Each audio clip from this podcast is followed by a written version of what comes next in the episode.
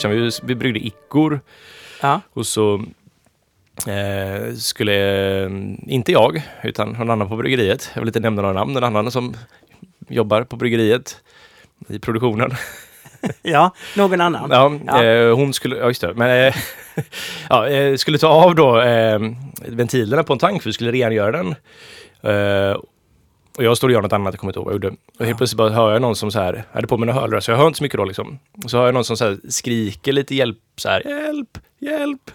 Så tittar jag upp och så bara ser jag hur det bara sprutar ut öl över hela golvet liksom. Ja. Och så, eh, då hade hon tagit av ventilen längst ner Aha. på tanken bredvid den.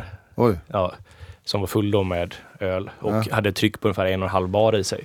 okej. Så att där förlorade vi ja, 2000 liter öl. Alltså allt försvann allting? Ja, eller så här, vi, alltså, vi försökte stoppa det här flödet då och när jag gjorde det här så hade jag ju fortfarande på mig mina hörlurar och man blir ju dränkt i öl. Så de, de pajade faktiskt. Ja, Ja, lurar. det var det jag skulle komma till, att de gick sönder. det var, Och det, det, det var olyckan det egentligen. var olyckan, ja Det precis. finns inget kort på det, på hur det såg ut? Eh, jo, jag har faktiskt en bild på det. Ja. Eh, det är efteråt liksom. Eh, efter själva, när det bara ligger på övergår hela golvet liksom. Men jag tänker så här, jag, vet, jag kan inte det där, men hur, det, två, det måste ta en ganska lång stund att få Ja, ut 2000 men det var lite så här att vi... Det finns en teknik, men i och med att det är så högt tryck så, här, så sprutar det ut i början. Ja. Eh, Det här hände på Stiberget när Ivan skruvade av. Gbg Beerwick minns jag Ja, att det hände precis, på. precis. Ja. Då skulle han egentligen bara ta av själva... Vi hade dumpat humle då från den, var ju färdig öl.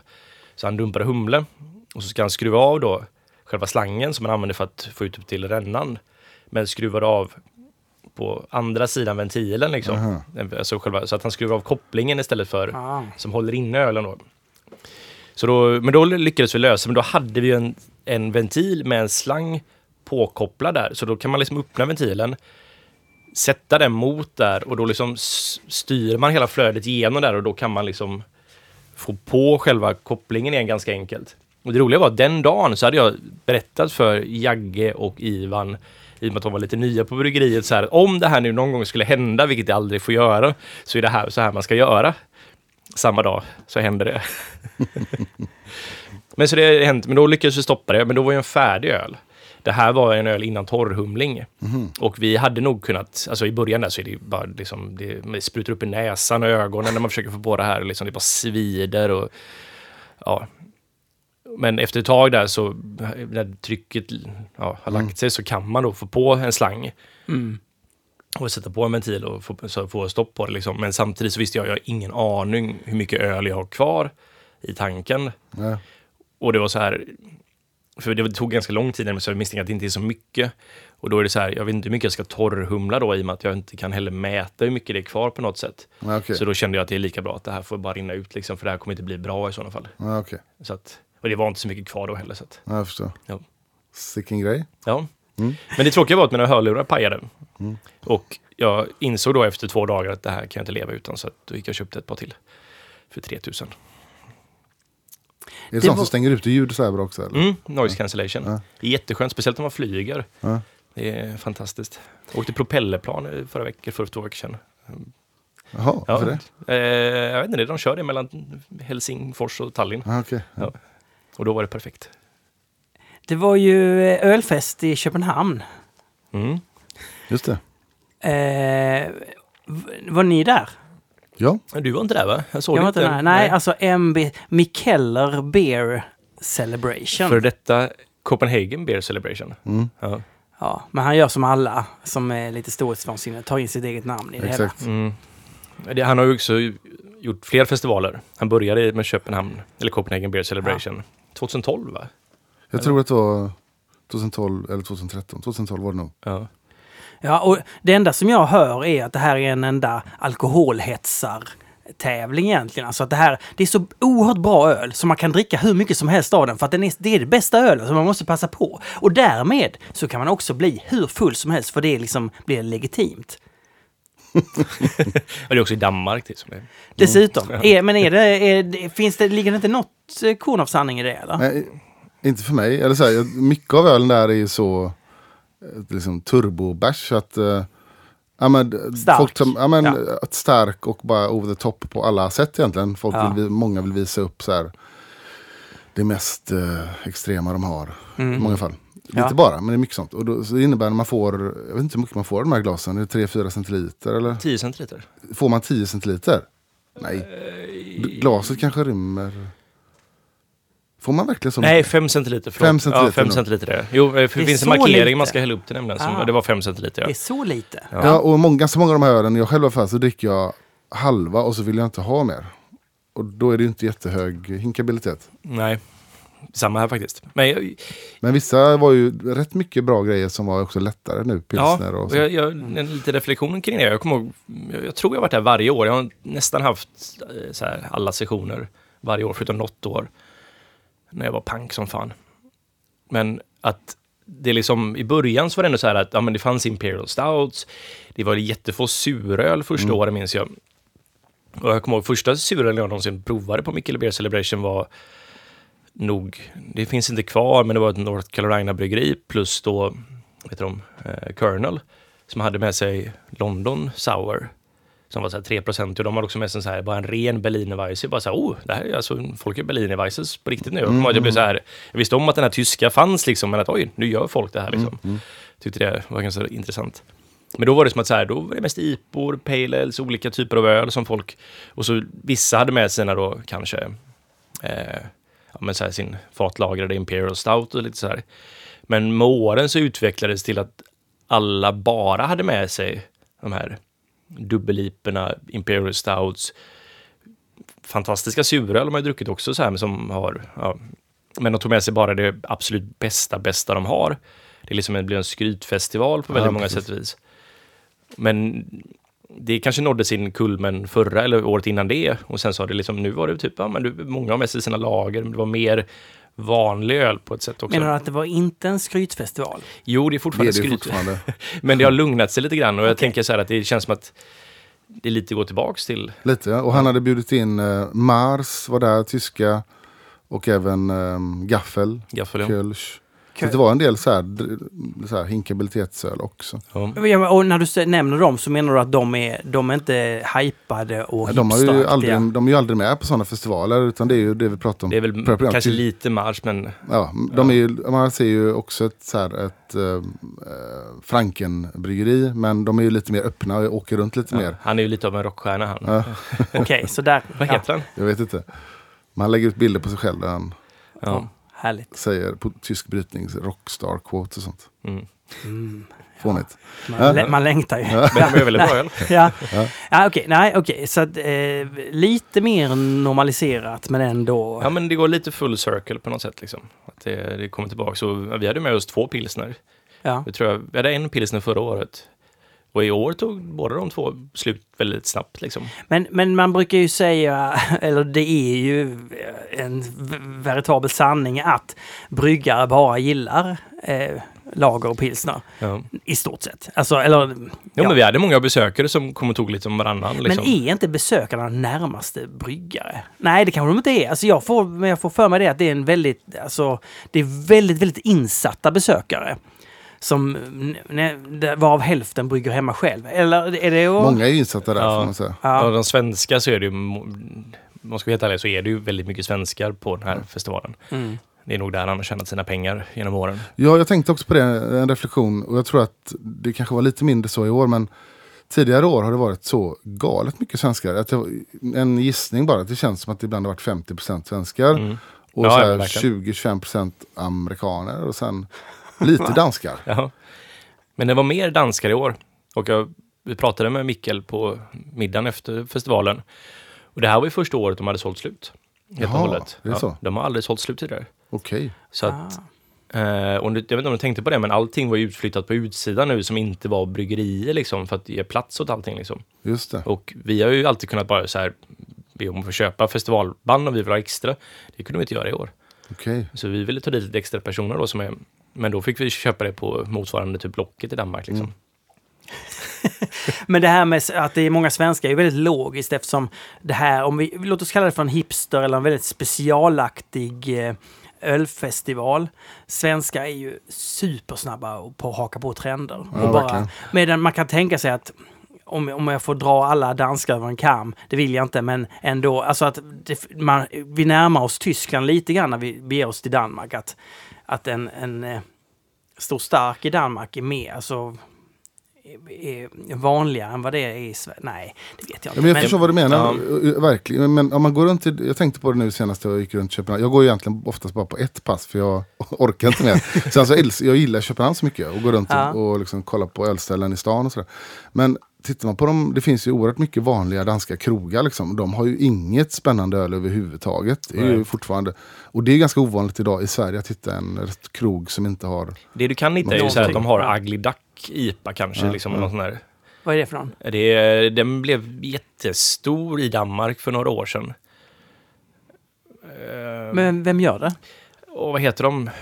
Heter de inte Ugly Duck? Nej. Jo, men de brygger på, det är som ett sidovar, jag är inte säker på det här faktiskt, men jag tror det är som ett sidovarmärke på ett av de lite större bryggerierna. Svanecke, kan det vara det? Nej, inte Svanecke, utan... Och vad heter de? Ja, jag måste nej. nog kolla det här faktiskt. Du hör Mia, alltså det här med att vi glömmer namn och så. Ja, det, det, är fullständigt logiskt. Ja, det. Det är, Olle har en sorts afasi. Det har ja, jag också. Jag är ju gammal. Och du Fredrik? Och det sprider sig, har ni sett på det? Det smittar och så här. Inslev. Inslev, okej. Okay. Så Inslev. Ja. Nej, och, och, ja. Men då tänkte jag också på att hur mycket Mikkeles framgång ändå måste sägas bygga på Sverige. Ja, ja. Äh, inser man när man är där. Ah. Mm. Att, äh, Ja, han var ju har... mycket större i Sverige än vad han var i Danmark ett tag. Eller det är väl fortfarande liksom. Men... Även när man går på hans krogar så här. Det känns som det är svenskar överallt. Mm. Ja men det var ju så, jag kommer ihåg när den första bara fanns. Och det var, man gick dit. Jag var ju i Köpenhamn ganska mycket i och med att Olof bodde där. Och vi gick ju alltid dit och det var ju som att det var ju bara, om man ska vara lite eh, så här att det var ju bara IT-folk från Sverige som var där i stort sett. och få dra det över en kamp på det sättet. Mm. Så jag tror hans, det, hans framgång har berott, liksom i början där, handlar ju väldigt mycket om att han blev stor i Sverige och kunde ha en, tjäna mycket pengar på Systembolaget mm. faktiskt. Och Ja, men även, även senare då. Tänk om inga svenskar varit på den festivalen. Om du säger att det inte varit slutsålt. Det ja. ganska tunn. Precis. Tunn. Ja. Eh, Duke Lukem, alltså Lukas, ja. eh, berättar för mig att hans största upplevelse var när han åkte ut till den här ön och besökte det här destilleriet ja. Bro Broaden and Build. Nej, var, det är bryggeriet. Det är ett bryggeri. Ja. Han, han pratade... Ja, men det, var, det ligger i deras Han pratade om Broaden Bild ja. och att de hade en, en bastu där man kunde uh, få fram gäst. Och ja. han, han, sa, jag skäms för att vara bryggare. Det är så här jag vill jobba. Jag såg bara att han, han, han började köpa hus i Danmark och flytta dit för att börja jobba där. Alltså. Ja, men jag, jag, jag träffade, det här är lustigt, jag träffade Lukas utanför. Ja. Broaden Bild är ju Amas eh, bryggpub och restaur mm. restaurang. Och i den, eh, det är en stor hangar. I andra delen av den hangaren ligger Empirical Spirits heter de. Aha. Och jag känner likadant. Det var det häftigaste jag har sett på flera år inom liksom, alkohol. Alltså, Men vad, det, var det, vad var det häftiga? Beskriv. Jag, jag får rysningar nu när jag tänker på det. På riktigt alltså. alltså Olof hade exakt samma reaktion. Jag, Olof kom och hämtade mig för jag var hemma och sov när de var där faktiskt. Av olika anledningar. Ja. Trötthet. Jag var på technoklubb till klockan sju på morgonen. ja. ja.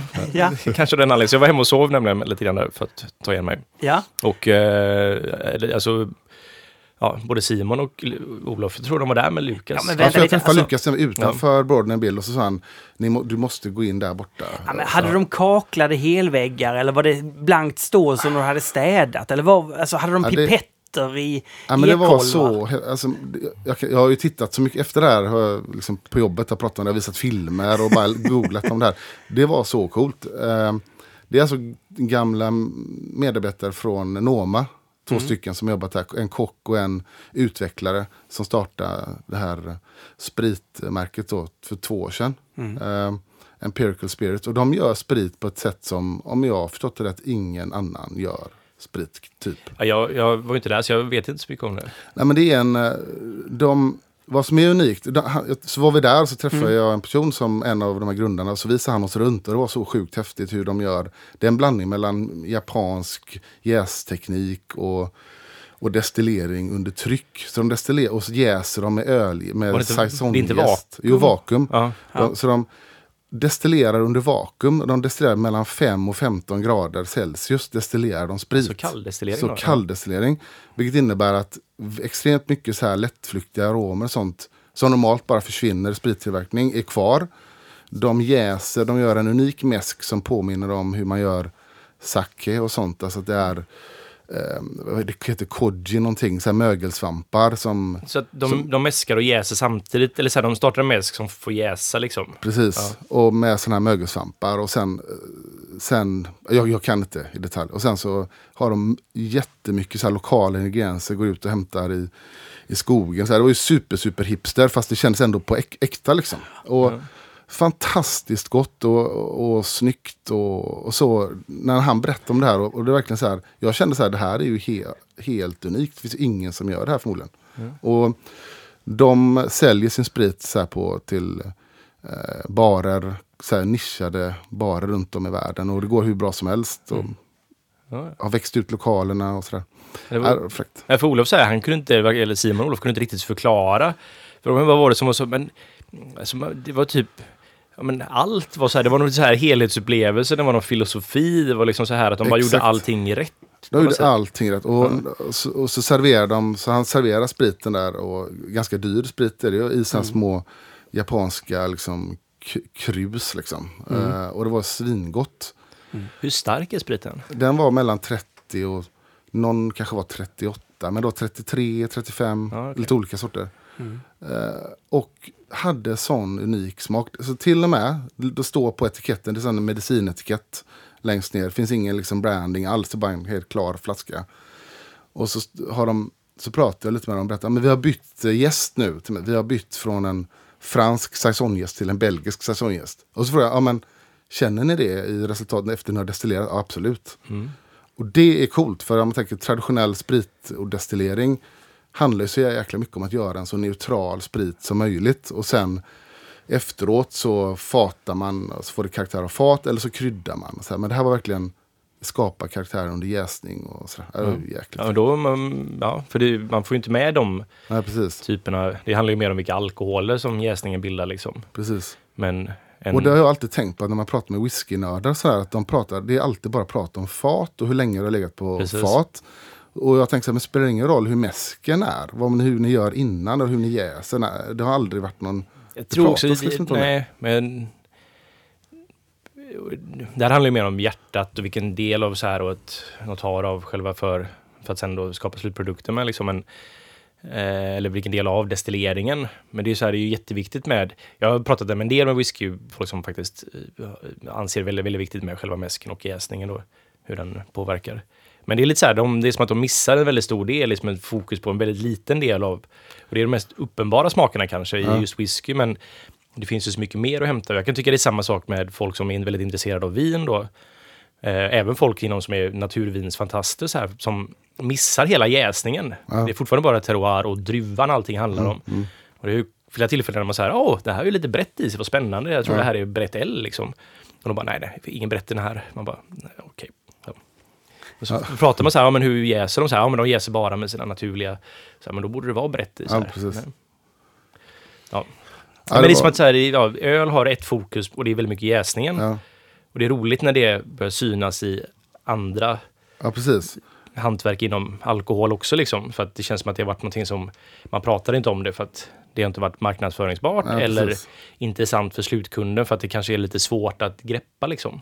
Så det är ju fantastiskt om de faktiskt Ja. jobbar med det. Och de jobbar mycket med ölinfluenser för att det var både mält, malt och de jobbar även med omältat korn och de jobbade med humle. Ja, men kon var själva råvaran för... Det var rå, grundråvaran för att göra sån, jag vet inte vad det heter, ka- kuju, kaju, eller någonting det här japanska. Ja.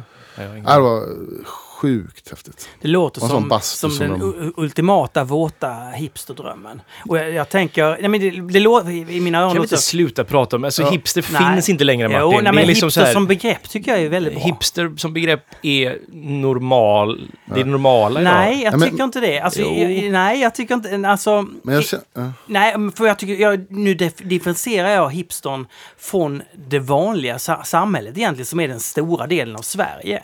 Ja. Alltså, Där, där, man, eh, där man har något mer, där man hyllar det lite mer äkta. Och det, det är äkta. Jag tänker på det här nu, då, det här eh, eh, sprittillverkaren. Alltså det är ju, o, när du säger så här att de inte bygger varumärke på ett sätt, så gör de Jo, ju det ja. väldigt mycket med den här medicinskylten såklart. Jag håller med. Jo. Ja. Men allting är, jag, jag förstår vad du menar, och allt, men jag, vad jag vill komma till, allting kändes så extremt eh, äkta. Och, Mm. liksom, och det handlar om produkten väldigt mycket. För man pratar om sprit så är det ju Mm. Ja. väldigt mycket varumärke, det är liksom hur man kommunicerar och sådär. Här var det ju så sjukt mycket fokus på hur man gör produkten och naturliga råvaror. Och, Ja, alltså produkten i fokus är, tycker jag är super. Alltså det, det är ju det intressanta. Det, det tycker jag är... Det ska ju hyllas alltid liksom. Det är, Verkligen. Är produkten bra så är den bra liksom. Och, ja. ja, men det, det var så, jag kan verkligen rekommendera. Och det heter väl, vad heter den? Re, Räfshalvön. Räfshalvön eller Ja, så här, där upp till... ja, men hela det området är ju helt magiskt och har liksom växt upp Det har ju gått jättesnabbt har det gjort. jättefort. Och det, är ju, jag, det kan ju inte finnas något sånt område i Norden där det är så dynamiskt med liksom öl, eh, sprit, restauranger. Det öppnar upp eh, ja, både Amas och Noma och sen kommer det öppna ytterligare en som i samma byggnad som det här destilleriet är som kommer bli Köpenhamns eh, så här, mest exklusiva restaurang. Till och med värre än Noma. Alltså det är helt bisarrt. Och så har de en, en matmarknad med liksom enkel mat och de har Broaden Bild, de har Mikkele Baghaven. eh, Massa aktiviteter och sådär. Jag minns första gången jag var på den halvön. Då kändes det som att man gick ut långt ut i ingenstans. Vi, jag och Olof gick genom Christiania och så gick vi förbi där Noma ligger nu då, som är fortfarande i Christiania. Men det var ju bara en stor bunker där, mm, så här liksom, ja, det såg extremt som att här vill jag inte vara en sen kväll liksom. Bara massa graffiti och nå- nålar som låg där. Var det gamla Noma eller nya Noma? Nya Noma. Ah, okej. Eller där, då fanns ju den gamla Noma. Där gamla Noma ligger. Eller, men eh, det som är bar idag då. Men att då gick vi förbi och så gick vi igenom den här bunkern, bara så här mycket fräck Ja. bunkerbyggnad bara liksom så här i ena änden av Christiania liksom. Så gick man över lite den här, ja det är ju en liten eh, å där liksom, så kom man över till Räfshamnön.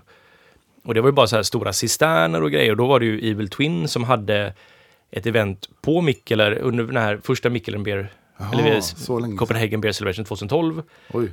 Och då hade han en grej som hette eh, Sour and Bitter. Ja, Ja, det, det kommer jag var inte du där? Ute på den ön där. Ja, Fan vad nu blir jag rädd för mig själv. Jag tror inte det. nej, det kanske du inte var. För jag träffade Gurts där, och Nej, jag tror... Nej. träffade Alex och jag kommer ihåg att 2012. 2012 måste det varit, det var första, det var ju då alltså Evil Twin, Mikkelers tvillingbror, skulle såklart ha ett konkurrerande event, men det var bara en dag, en kväll, Mm. typ fyra timmar, där han hade bjudit in Drivfontänen, Pizzaport hade flugit in Ja, exklusiv öl, så det var liksom, så det var sour and bitter, så det var liksom Armand som stod där och serverade Drivfontänen öl, och så var det Pizzaport som hade humliga öl, så det var liksom det sura och bittra. Och så släppte han första gången eh, Hommage heter den väl igen. Just det. Det var liksom återlansering för den. Nej, jag var inte det. Nej, men det var så här, då, det var första gången jag såg den här. Okej, det här finns inom öl också. Det här är ju hur galet det kan vara liksom. Ja, det var... Hela det stället, jag verkligen rekommenderar att åka ut. Det, är, det Men- känns lite som att det är det man vill... Lite grann det som de skulle, vill, skulle vilja göra med Ringön på sikt. Ja, eller slakthusområdet. Eller liksom. sektorområdet. Lite den känslan. Eh, nu är det dags för kaffe va? Är det så? Ja. Alltså jag är så... Jag mår inte riktigt bra. Är det så?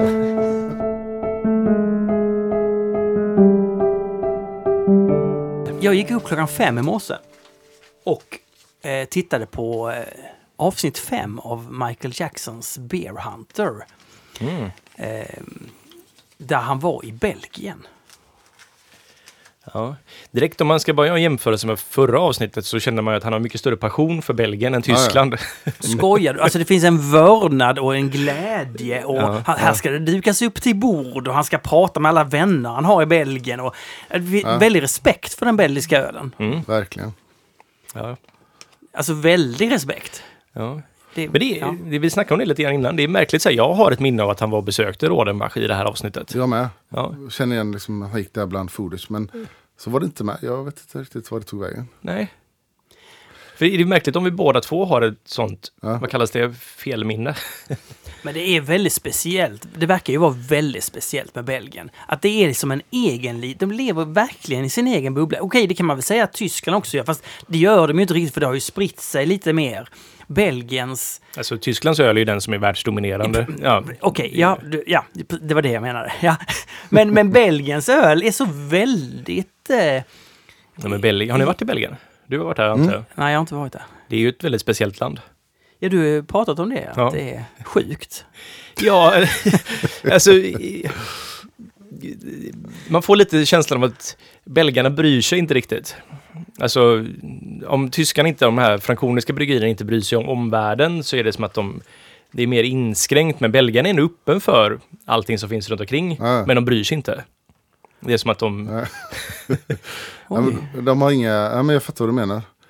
Det är, det är en kombination av att de är så här, kan göra vad som helst och bryr sig inte. Men det är också så att de, det är som att de har levt i ett parallellt un- universum och utvecklat sina egna ölstilar som de fortfarande håller fast vid. Alltså, det är som att de inte har tagit någon inspiration från någon annan. De har tagit Fast det inspiration. har de. Och, och, och Ja. land, man får komma landet är så här ganska ungt. Belgien är ett ganska ungt land och Ja. är så sjukt påverkat av både Frankrike och Tyskland och så olika delar. Precis. Och som han öppnar med i avsnittet så är det ju verkligen att Belgien är ju ett splittrat land. Mm. Belgien är lika stort som Småland ungefär. Mm. Det är så pyttelitet Ja. om man jämför med Sverige. Mm. Och så har det 10 miljoner invånare. Och halva landet är ju flamländskt och andra halvan är fransktalande. Liksom.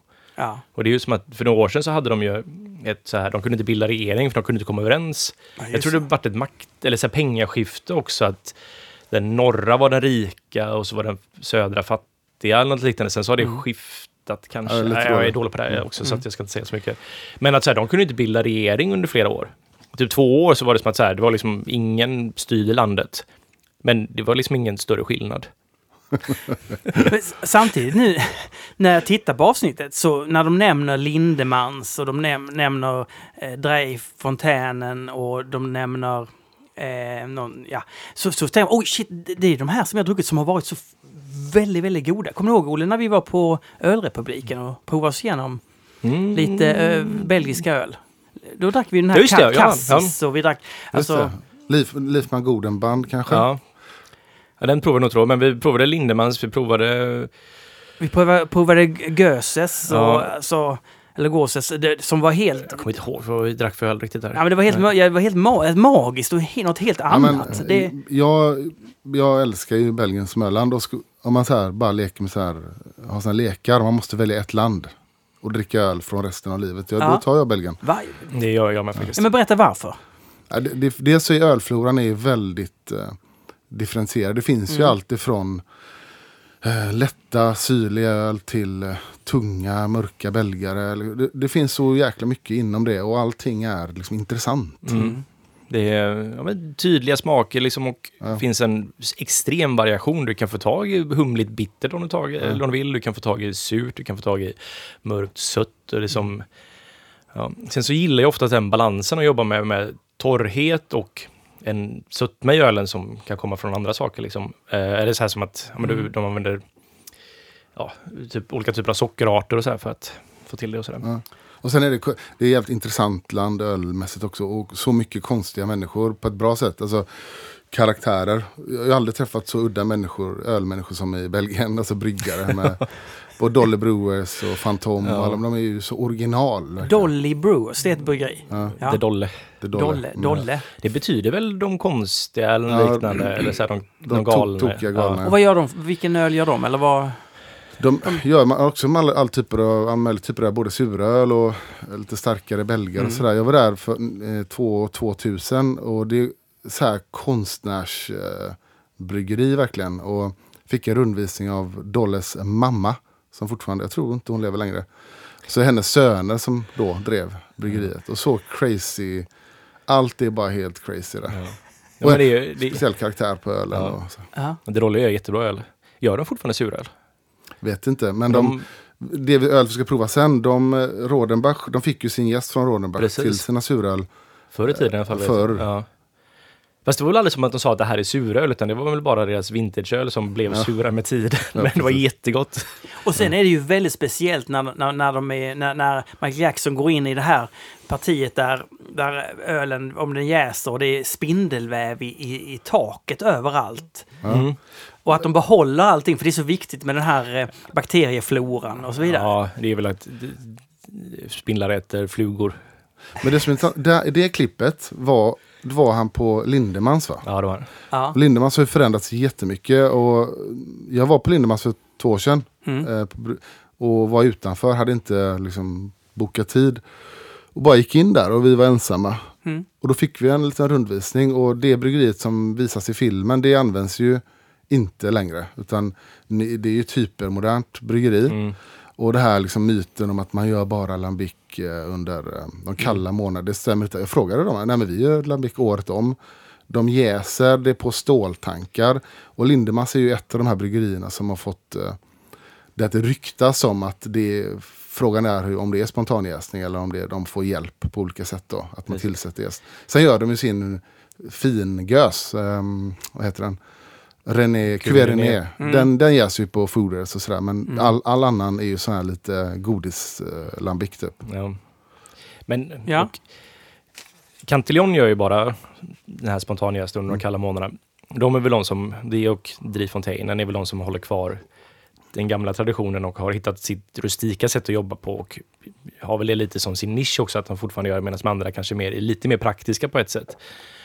Och jag tror ju ändå så här att det här har vi pratat om Ja.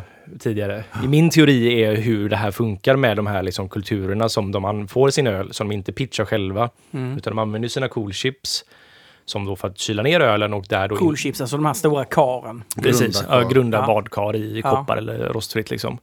Så då får man ju väldigt mycket ytkontakt, vilket gör att vörten kyls ner ganska snabbt och så kommer luft in och så här. Och ja, visst, det finns ju massvis med grejer i luften som gör att det blir infekterat, men jag tror i Kondens och kondens som går upp i taket, i trätak, droppar sen ner. Mm. Det sitter rätt mycket i byggnaden, en viss kultur som...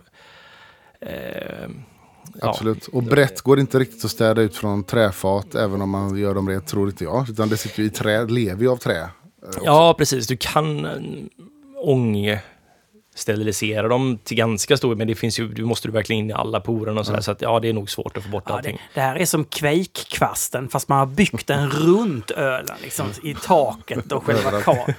Ja, nej Ja. men ja. Men, men det är intressant, för jag tänkte på det nu också kopplat till Köpenhamn. Är hur bra belgisk suröl, jag gillar inte begreppet suröl, jag säger det nu ändå, är. Är så världsklass. Och USA har jobbat med det länge nu och börjar Ja. bli, bli bättre och bättre och bättre. Eh, så var vi på Coolship, stället i Köpenhamn som heter Coolship, Mikkels eh, Mm. så här lambic bar. Och där var det en typ tap takeover med Jester King och de hade sin, sin Spån. Spån. Ja. Ja. Så vi, vi köpte den. Det är deras spontanjästa. Mm. Så här, och Mm. Det är den som har fått mycket så här, snack om den. Och så här, att de, den är så bra. Och, så och jag tycker ju inte att den kommer ändå i närheten. Den kommer av- inte det, men jag blev... Jag har druckit den när den släpptes. Sen så drack jag den när jag var i Polen nu när de var där också. Och då tyckte jag att, om det var Spån 4, jag har ingen aning, jag har inte koll på såna längre. Men, Fyran drack vi nog nu. ja. Och då var jag ändå så här att, ah ja, men nu har de kommit ganska nära. Doftmässigt perfekt. Ja, smakmässigt, ja det fattas det liksom. Mm, mm. Det är liksom att det är för rent på något sätt liksom. Det finns en udd som inte så här... Och när jag pratade med någon av dem på Gästerken, jag tror det var grundarna faktiskt, eller grundaren, så handlar det om att ja, men nu har vi ökat humlen och vi har gammal humle i på ett sätt som det gör en jätteskillnad att ha mycket av den här gamla, för det är Speciellt i Cantillons öl så har jag börjat tänka på att ah ja, det här är ju humlekaraktär, speciellt i den unga lambicken. Det är lite ostig eller? Ja, men precis. Och lite det här, eh, det finns ändå en typ av beska i dem. Ja, det är sant. Ja, som jag, som är så här att, ah, men det, jag gillar det här liksom. Men det är väl så att en ren smak är, är aldrig... Det, det, om jag gör en musikproduktion, att då lägga in lite svagt brus i bakgrunden, alltså det bara, så bara ligger med, det gör att du får ett djup. Det är om jag, om jag ger dig en, sån här, en käftsmäll som är väldigt rak och ren, inte bra, men om jag har lite, lite sandpapper och jag bara råkar liksom glida lite på din kind, då får du en, liksom en mer komplex upplevelse. Ja. Jag tänker att, att eh, Lambic är mycket mer komplext med, med väldigt många fler smaktoner som kanske är svårurskiljbara egentligen. Men tillsammans, tillsammans så, så skapar de en helhet. Jag håller med. Och det är så jäkla svårt att återskapa det där. Och det är därför jag älskar Belgien så mycket. För det är så unikt Precis. på något sätt. Ja. Nej men det är och Därför jag, amerikanska, jag kan ju gilla amerikanska också, suröl, jag tycker inte det är en jättebra beskrivning på det, men det är så här att de gör ju sin egna grej jättebra nu, Mm, men det är inte samma sak som de här belgiska lambic-bryggerierna. Det är, det är liksom, de kommer nära men de kommer inte hela vägen. Och sen kan jag tycka att det behöver inte finnas en anledning att försöka kopiera det här exakt. Nej, det är sant. Det, man behöver inte göra det, utan man kan göra en väldigt bra produkt Vad säger du, Olle? på sitt egna sätt. Liksom. Vad säger du? Ja men så är det Men man märker ändå att de har, många av de här, Jester King och de här, de, de har en form av ideal som är belgisk eh, så här, Mm. lambic. Och de försöker nå dit. Och det är intressant det där också, kan man kom- komma in på det här med skyddet av namnet lambic. Och så här, att det är fortfarande väldigt stor respekt för det, det begreppet. Mm. Men det har ett ganska svagt juridiskt eh, skydd i EU, lambic. Så att egentligen kan folk börja använda det om de använder sig lite av spontanjäsning. Det har inget så här ursprungsskydd och sådär. Men det var ju därför Jester King ville ha den här Ja. Method, gös. method de Gös eller... Ja, något sånt. Och då tyckte de att nej, men det här var inte okej. Och de ville ju väl, men det blev väldigt fel där. Ja. Och jag tyckte också så här att, vad fan, kan ni inte bara liksom göra er egna grej istället? De skulle vara så här, för... Ja, ja, men det är så här att vi gör exakt som de här belgiska bryggerierna. Vi, får inte kalla, vi vill inte kalla det det här, så vi kallar det Method Gös istället. Man, nej. Och så åkte de över och kollade det här med, eh, bara med Cantillon. Så här. Är det okej om vi använder Method Gös? Alltså, tyckte han att det var okej. Ja. De åkte tillbaka och gjorde det. Fick jättemycket skit av de andra Lambic-bryggarna. Han fick ju åka runt. Han hade behövt åka runt till alla Ja, men det hade varit helt kört. De är ju så jävla weird och Så nu, bråkiga de här gubbarna. Så det hade inte gått. nej. De är belgare helt enkelt. Men samtidigt då så, jag, jag tyckte att det var liksom lite osmakligt och lite onödigt på något sätt. Det är som att så här, ja, men de vill visa att de är äkta på det här sättet fast de bara funnits i några år. Och liksom det är väl lite på någon form av storhetsvansinne att de tror att de har kopierat det så pass väl också då. Mm. Eller bara för att de har liksom samma process. Det finns så mycket, mycket mer i det. Det handlar inte bara om processen utan det handlar om en hel, en hel kultur liksom. Som du ska återskapa liksom. Ja. Jag tänkte också på när jag såg det här programmet att ja, Belgien har den här ölkulturen sedan 1516 eller vilket år, år det nu var. De sa att de inte själva visste riktigt. Nej, de hittar på det år, året, men ändå. Eh, och då tänkte jag Sverige, tänkte jag på då. Eh, alltså, vi har ju ingen... Vad har vi för ölkultur? Alltså, ja. Det är väl superbra att vi kan hoppa på trender, tänker jag. Mm. Eller? Ja. Ja men vi är nyfikna och det, det är klart att det är positivt. Men du menar vad vi har från början? Eller? Nej, men jag bara tänkte att vi borde ju lägga ner. Vi borde göra det vi kan. Rover, odla rovor. Det är ju det är vad vi kan. Att bör- börja göra... Ja, Fast det, ja. Alltså, å andra sidan, saker och ting måste ju uppstå någon gång. Men det, men det är lite så här, vi är så nyfikna på den trender och det som är nytt och spännande att vi inte är så intresserade av att eh, göra det. Om vi pratar öl nu då, Mm. som, är, som vi egentligen har, finns en tradition. Tänker man så här, exempelvis Gotlandsdricka, det är ju vår svenska så här farmhouse-öl. Pratade du om det här förra gången? Nej? Ja, vi, ja, vi, ja, vi har sa någonting om Gotlandsdricka. när Nej, vi, jag har aldrig hört. Ja, men det är det som är intressant, för att det är ju ingen... Nu är det ett eller två kanske som börjar göra kommersiella bryggerier som börjar göra Gotlandsdricka. Det är ju annars en så här familjedricka på Gotland. Vad är det? Det är, alltså en, det är ju typ vår quake kan man säga. Liksom. det är vår kvejk, Ja. va? Med liksom bakjäst och, och rökmalt och det kan vara och enris och Precis. alltså enbär. Det är väl närmare sati egentligen Ja, på ett lite mer sätt. sa- finsk sahti. Så våran farmhouse, Finsk, vänta, finsk sarti, vad är, vad är det då? det finska, finsk farmhouse ale. Råg, Alla har en farm. rågöl med enris och grejer. Oj. Skitkonstigt. Eh, Jag Och- brukar köpa den här i Finland. Spännande. Men det som jag vill komma till då är att Ja. det har ju bara varit, det, det tittar inte kommersiella bryggerier på riktigt. Man tittar hela tiden ut, ut i världen. Medan i USA, det finns säkert, om jag skulle gissa, så finns det säkert 50 amerikanska bryggerier som har gjort Gotlandsdricka. På riktigt. Alltså, så Är det här- sant? Ja. Och, och bara som en, inte som stora lanseringar. Nej, nej. Men och de som skrev om Gotlandsdricka var ju Charles Pepasian i, i öltidningar och ölböcker i USA. Ja. Medan i Sverige är det ingen som bryr sig. Så att eh, Gotlandsdricka görs i USA eh, hela tiden. Ja, men jag kan ju förstå det. Mycket svenskättlingar som letar upp sin egna så här, Men också nyfikna och, amerikanska bryggerier. De, också Ja. så här, de ser också ut vad de har gjort i världen. Och Mm. så här, så att, eh, ja. Vad säger ni, ska vi prova den här Rodenbach? Ja, men det kan vi. Ja. Jag provade den igår också faktiskt. jag hittar inte min flaska. Jag har ju provat den för så länge sedan. Så jag tänkte vi kan prova den igen. Det blir bra.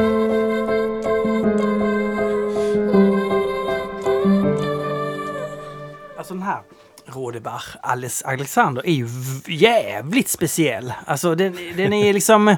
Den går liksom upp och, och i, i hjärnan på, något, på ett oroväckande sätt. Alltså inte på alkoholmässigt utan Nej. smakmässigt så... Den, den är liksom syrlig, men den också smakar... mm, därför Det finns en stallighet i... Ja. Och Eh. en sötma, Mm, Ja. och syra och ättika, vinäger. Ja. precis. Det är ju det som skiljer den här, eller Rodenbach, den här Flemish Red Ale-stilen från ja, men till exempel Lambic-ölen då, att den har en sötma i sig också. Mm. Som Lite obehaglig va? Ja, alltså, jag, jag gillar det, men jag föredrar lambiköl Ja. i den här, om man skulle dricka, man får bara välja en typ Oj. av Vad ska man ha till, det här kan man inte ha till chipsen. Jag såg att du försökte äta det till Ja, hamburgare. det kan jag inte rekommendera. Till hamburgare? Det var Nej. inte så gott. Det var, det var ett skämt faktiskt. Jag, Okej. jag visste att det inte skulle vara så gott. Nej, okej. Men vad, ska man ha? Vad, vad, vad, det här dricker man som en liten dessertvin? Öl. Även aperitif och sen så en del belgare håller på med det här med grytor. Så dels att man har det i, det var de i programmet Ja. också, de lagade mat med, Mm. då tror jag att de hade Godenband va? Ja, Eh, vad var det?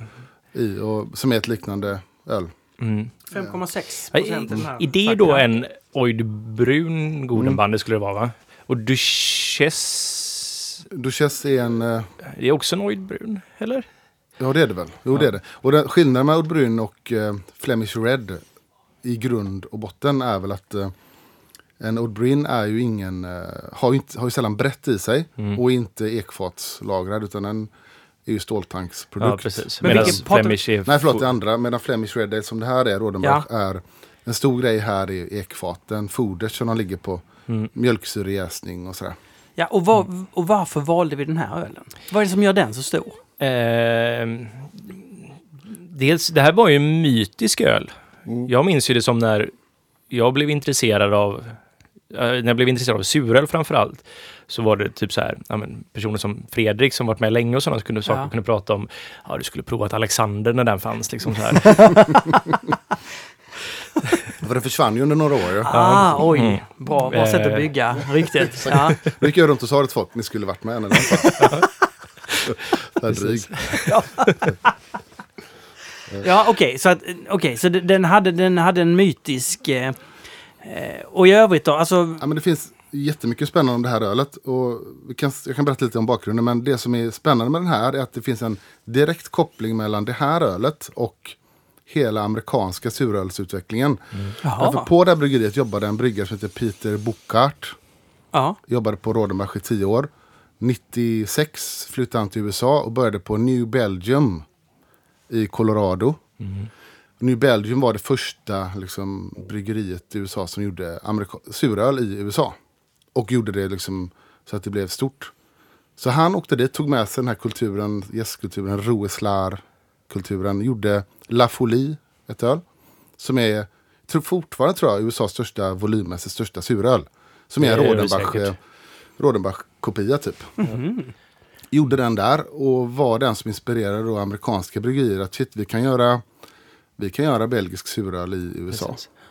Så då var det ju ja, men, eh, Winnie från Russian River och Allagash framförallt som det. tog det här liksom. Och då han Peter, hur uttalar man sig Jag efternamn? vet inte vad jag uttalat men Bocart. Bocart. Bogart. Ja. Som, eh, så de var ju det, de, de tre känns som det är OG of Mm. suröl i USA. Mm. Så det var ju direkt liksom att, att han hade gjort det här ölet, eller något av Rodenbach, de har ju tre, fyra olika öl. Ja. Och började göra det i USA på samma sätt. Men och, och i USA, det ledde vidare till att, att eh, surölsmarknaden breddades och de gjorde plötsligt alla möjliga typer av suröl. Precis. Mm. Ja, alltså 2012 var det jättefå bryggerier som, när vi var på första Mikkel Beers var det jättefå bryggerier som gjorde Ja. suröl. Och helt plötsligt så här, två år senare, alla hade med sig det. Ja, Det gick så snabbt där. precis. Och- Så tänker man, förra gången pratade vi om eh, Sierra Nevada Pale Ale som blev så här moden för Pale Ale i USA. Mm. Eh, Man kan säga det här La Folie blev ju liksom moden för suröl i USA. Det som Peter Bocart gjorde då med Ja. inspiration av det. Han har Aha. ju startat eget bryggeri Ja. i USA nu. Han jobbade, han slutade på, på Två år sedan ja, något sånt där. Och så var han med i något, på, något, något bryggeri. Jag kommer inte ihåg vad de hette. Nej, men det var ett som, ja, han jobbar där nu. Och så, sen så nu har han startat eget tror jag. Ja, Okej. Ja. Eh, ja, så det, det har ett varit, det här bryggeriet har haft sånt eh, enorm påverkan. Men det, det har en intressant historia också. För Mm. Rodenbach, just det här heter Alexander. Och Alexander Rodenbach hette en av grundarna till bryggeriet. Och Rodenbach från början är en tysk familj som flyttade till Roeslaar i Belgien på 1700-talet.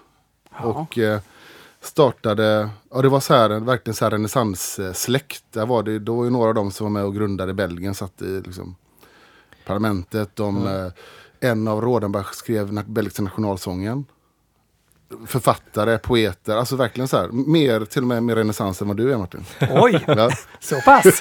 Så pass ändå, ja. Ja. Det är lustigt det där med att alla som håller på med öl också har suttit så här i parlamentet eller varit så här, eller, ja, borgmästare över staden och sådana saker. ja men precis. Ja.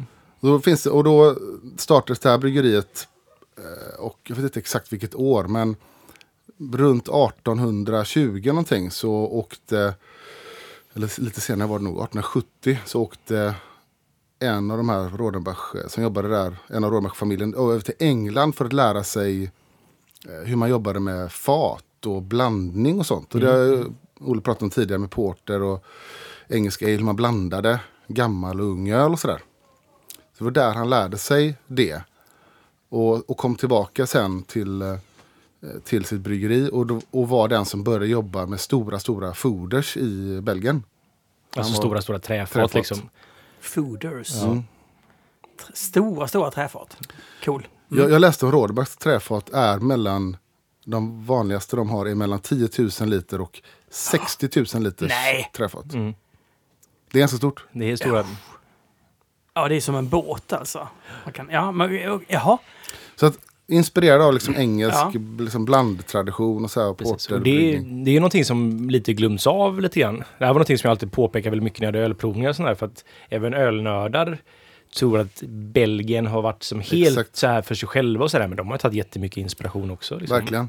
Och det man vet, man vet inte exakt hur Rodenbachs eh, öl smakade från början. Men det var inte den här typen av öl de började med. Utan Nej. Man, man menar att han, Eugen hette han, Rodenbach, var den som satte karaktären för Rodenbach. Efter han har varit i England och lärt sig jobba med fat och blandning och sådär. Och det här var ju brett en del av Precis. smakerna också. Något som är också inte riktigt finns med i engelsk kultur längre. Så det här är ju bevarandet av engelsk ölkultur Ja, men på ett precis. sätt, fast i Belgien. Exakt.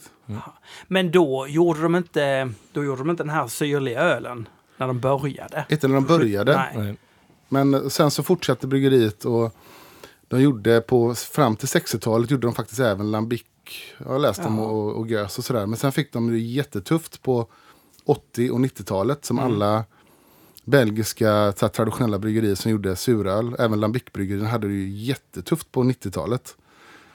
Och då sålde familjen Rodenbach, sålde sitt bryggeri, jag vet inte exakt vilket år, men om det var början på 90-talet kanske.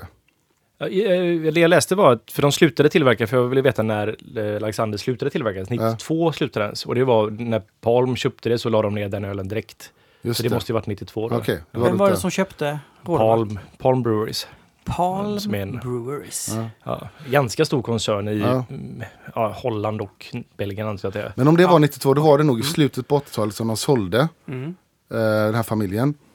Men man kan säga att de sålde i exakt fel tidpunkt. De sålde när det var verkligen eh, som lägst intresse av suröl Mm. Ja. i Belgien. Och sen bara 10-15 år senare var det ju superhett. Och nu tillverkar ju Rodenbach över 5 miljoner liter per år liksom, Av suröl. av suröl. Och de hugger sig i armarna av ilska. Men man vet inte. Ja, nej. Nej, det kanske de inte gör. Mm. De kanske ändå fick lite pengar. Ja, kanske. Som de kan köpa droger för och det- fly verkligheten. Nej, men ja. Men det är ju lustigt med de här mörka åren av... För jag kommer ihåg när jag började med suröl så var det så här att det, det, det du alltid fick tag i var ju de här eftersötade, lite, det var ju det de här traditionella surölsbryggerierna, lambickbryggerierna började göra. Att de Mm. gjorde en kommersiell produkt väldigt mycket. Liksom, att man Mm. hade i frukt på ett sätt som gjorde att den blev söt och, Mm. och liksom lite artificiella smaker av det. Och att det var ju ganska, ja men lite så här mer läskliknande öl på något sätt. Så här, liksom. Ja, precis. Mm. Ja, och det var ju under de mörka åren de fick börja med det och sen så... Ja, men precis. Ja, och det är lite där vi är idag också med suröl faktiskt, om man ska vara helt ärlig. Ja, och, och det, här, det här innehåller, det glömde du säga, det är ju körsbär här i också. Ja, just det. Så det här ölet är som, det finns ett öl som heter Rodenbach Grand Cru. Som består av så här om det är två tredjedelar gammal öl som har legat på så här foders i två år och är, har mycket så här syra, ättiksyra och Den har väldigt mycket vinägerkaraktär liksom. Som drar, eller det drar åt det liksom. acetobacter, eller vad heter det, från Ja, träet och sånt. precis. Och sen blandar man det med ung öl. ehm, och eh, har i körsbär. Men sen är det pasteuriserat det här och Ja. sötat med candysocker i efterhand. Precis. Och jag kan tänka mig att så också när man blandar med lite ung så finns det nog en del socker kvar och så pasteuriserar man så man låter, Mm. alltså även jäsbara sockerarter kan vara kvar kanske. Precis. Men, ehm, ja. Men den här, den här Alexander-varianten gjordes innan de sålde. Ja, den, den togs fram till Alexanders, Ro, Alexander Rodenbachs 200-års... Alltså när han hade, skulle fyllt 200 år. Gjordes det här. Och han var en av bröderna som grundade Ja, då. precis. Så att, och han föddes... Uh, alltså ölet är inte supergammalt. 1986 tror jag någonting. Det här gjordes här första gången. Det Ja. var, och då 200 år efter han hade fötts. Och så fanns det då till 92 och sen så började de med det igen här för två, tre år sedan. Och Ja, precis. Och jag kollade faktiskt med när jag handlade den på Systembolaget så började jag prata med han i kassan. För han var, oh det här är ett bra öl. Jag bara, jo, men det är väldigt spännande. Och så mm, frågade så här, är det här var den här exklusiv lanseringen? Jag bara, nej, den har faktiskt kvalat in via beställningssortimentet. Så där ja. Ja. Så det Men, och du Fredrik som smakade den innan den ja. torrläggningen. Ja. Är, är den eh, lika bra? Nej, inte alls. Nej, jag skojar. Ska jag vara helt uppriktig så minns jag inte. Eh, jag vet Nej. faktiskt inte. Nej, men den är ju inte dålig nu. Men jag tror inte att så länge liksom de fortsatte. Jag tror att den typen av öl och anledningen att de köpte det här Palm. De har ju kvar utrustningen, de har kvar de här foderserna. 300 foders har de på det här bryggeriet. Vilket är, go- och, och, remember, storleken var ju som stora. Så att jag tror att de har fortsatt göra det samma anda. Liksom. ja. Okej. Ja. Jaha. Ja, ja, ja. Men, Men eh, det- ja, Men det som är, alltså själva ölen i sig, alltså. Den är, den är ju väldigt komplex och simpel på samma gång. Den är ju Ja. långt ifrån lika komplex som jag kan tycka faktiskt. ehm, alltså när jag provar Flemish Ready från amerikanska bryggerier mm, så är de oftast mycket, mycket mer komplexa än vad faktiskt Rodenbachs öl är. mer syra eller? Ja, mer syra och mer någon form av... ehm, för det är ju brett i det här också liksom. Ja. Men att det finns mer brättighet ofta och sådär liksom. Det här är en ganska ren... De har sin så Mm. här balans mellan syra och sötman. Och här kommer ju körsbärna fram jättetydligt med den här mandeltonen från Mm. Ja, kärnorna och sådär. Och med sötman så blir det nästan som att här, oh, det här är, det är väldigt ja, lätt, lättdrucket det här. På samma gång som det kommer den här ja, syrligheten som gör att det, det sticker lite. Det finns ett motstånd ändå liksom. Ja, det. Men det är ändå en väldigt... Det är, en, det är på något sätt en väldigt enkel och produkt på det sättet. Ja, men jag håller med. Den är faktiskt ganska ren Ja. trots sin komplexitet. Och frisk. Den är, som, den är extremt frisk tycker jag, även om den har den här Ja, sötman. alltså jag tänker direkt på att den skulle funka väldigt bra med ost.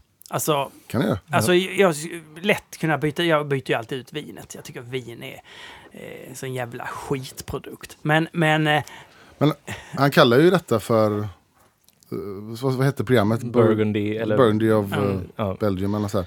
Den är verkligen Det är ju, vin, den är ju vinös, Ja. karaktären. Ja. Men jag tror ju framförallt en, eh, ja, en eh, efterrätt också, en söt efterrätt så kan vara gött med en syra och sådär. Sen så, jag tyckte det var lite intressant att han försökte verkligen få henne så här, ja, känner du eh, passionsfrukten här nu liksom? I, Under middagen? Ja, under middagen här Aha, liksom. Det ja. var, jag tror det var den här i alla fall. Mm. Och passionsfrukt för mig är ju så här när någonting eh, doftar lite spya. Jaha. Ja, det är så här liksom...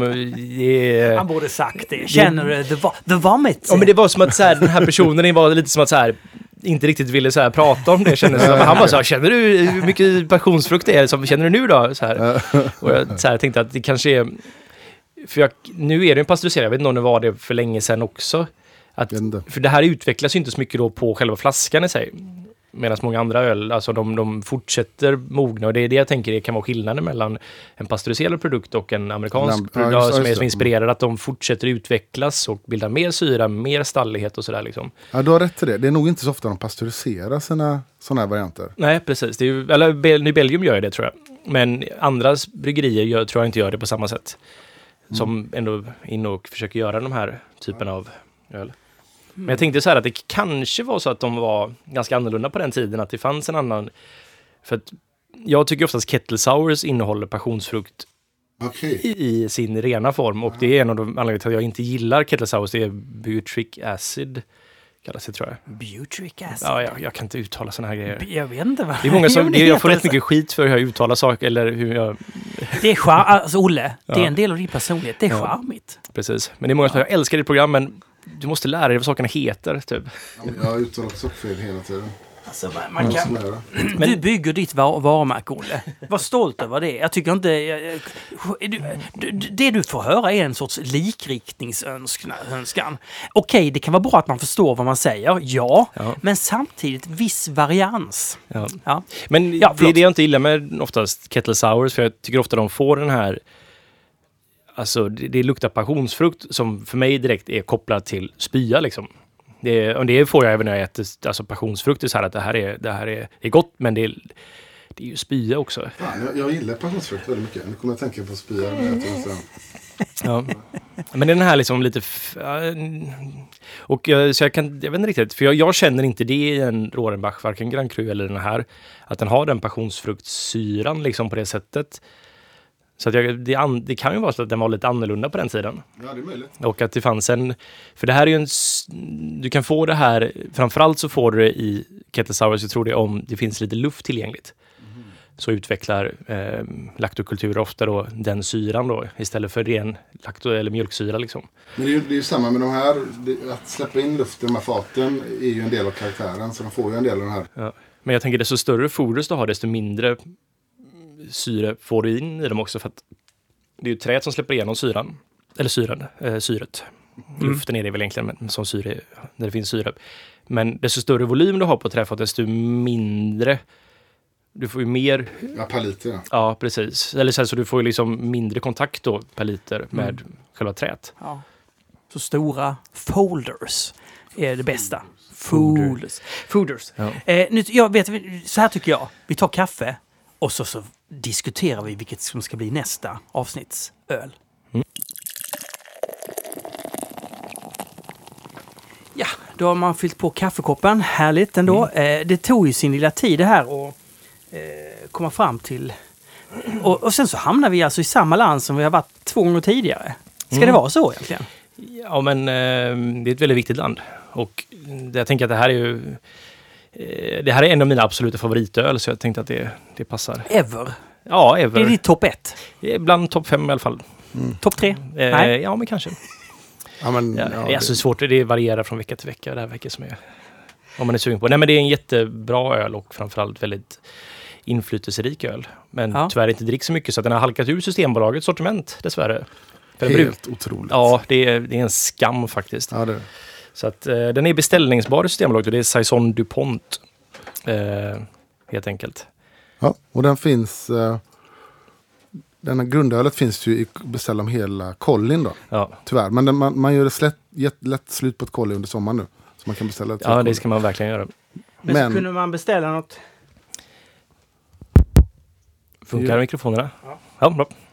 Nej men, eh, ja alltså de finns ju då, den biologiska varianten finns på storflaska i 50 butiker. Så den kan man köpa för där i med Saison DuPont så handlar det mest om Även om originalölet är min favorit, de gör en super saison eller vad man nu ska kalla det, som är lite starkare. Som också är väldigt god, men det är framförallt originalölet då som är den absolut bästa. Och den biologiska är, den är svagare. Den är lite svagare. Ja, men det är fortfarande, handlar, det handlar väldigt mycket om deras process med hur de arbetar med sin gäst som gör att det har en ganska unik karaktär på ett sätt. Mm, Som, eh, det är det viktigaste då, att det är en DuPont saison helt enkelt. exakt.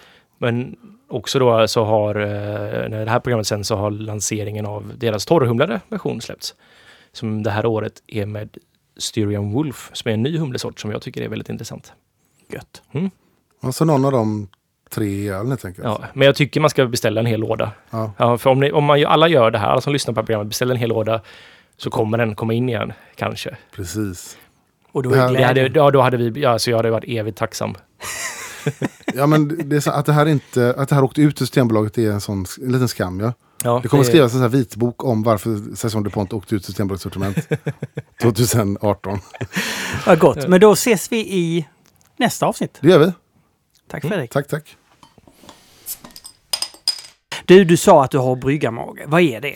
Brygga? Vadå bryggarmage? Du har, alltså, ja, du har blivit jättefet. Är det en Ja, bryggarmage? det, är, det är på gång i alla fall. Nej, det också. Nej, det, vi, igår provade jag mycket öl på bryggeriet som var liksom i... Och man får i sig en del jäst, vilket sätter igång magen på ett sätt. Så det är det jag pratar om. Sätter igång magen på ett sätt. Ja, som... eh, Ty, ja.